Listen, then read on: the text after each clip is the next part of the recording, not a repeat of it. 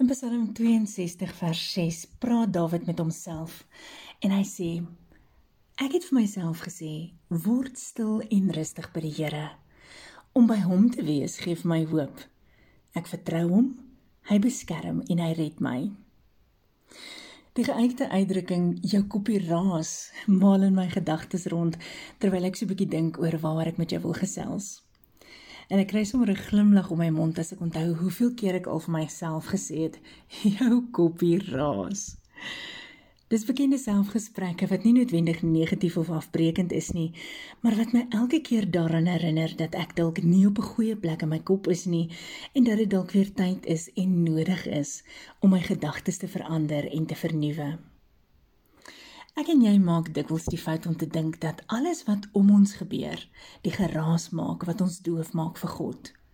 Maar weet jy, dis nie altyd die waarheid nie.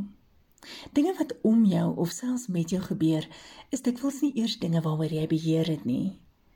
Dit behoort ook nie 'n bepalende faktor van of jy 'n goeie of 'n slegte dag het te wees nie. Dit bepaal nie jou inherente menswees nie.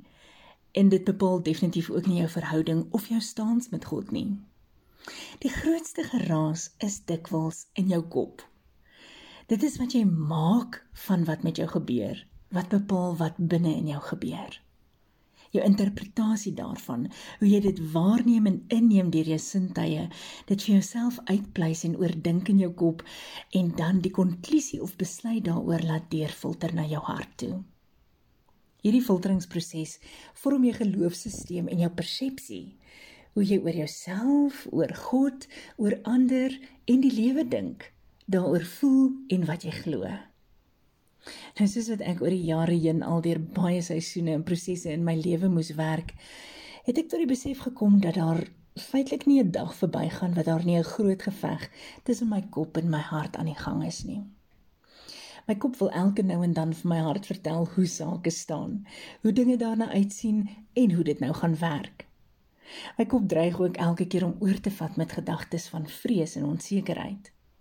En 'n mens hoor dikwels daai stemmetjie wat vir jou sê, jy's nie goed genoeg nie. Jy's 'n mislukking. Dat God jou nie liefhet nie. En so gaan die lysie aan. En dan sien ek sommer so in my geestesoog hoe my hart daar in die hoekie van my borskas ineenkrimp onder die geboelie van die gedagtes in my kop. Ek verstaan beter hoekom God in sy woord vir ons sê, ons moet elke gedagte gevange neem om dit aan Christus gehoorsaam te maak in 2 Korintiërs 10 vers 5.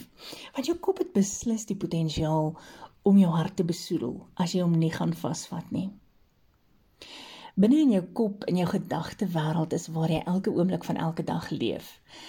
En ek en jy weet dat elke handeling of aksie voorafgegaan word met 'n gedagte, is ek reg? Dis menslik om partykeer af te voel of nie positief te wees oor iets nie en jy voel dalk nie positief of dink positief oor iets nie. Maar ek dink nie mense moet die fout maak om net in jou negatiewe gedagte wêreld in jou kop te bly leef nie. Dit is baie belangrik dat jy jou kop en elke gedagte sal belyn met die waarheid van die woord van God, sodat die leuen wat die vyand jou elke dag wil vertel, nie by jou hart kan uitkom nie. Laat die waarheid en die positiwiteit deursyfer na jou hart toe, sodat elke ding wat daaruit voortvloei, kan getuig van die bestaan en die goedheid van 'n lewende God in jou lewe. Vir God is ons hart die belangrikste natuurlik, nê, nee, volgens Jeremia 17 vers 10, waar God sê hy kyk na ons hart, hy ondersoek ons harte. Ehm um, hy deurgrond ons hart. Ons weet dat God kyk na die intensie van ons hart en hy weeg ook ons harte.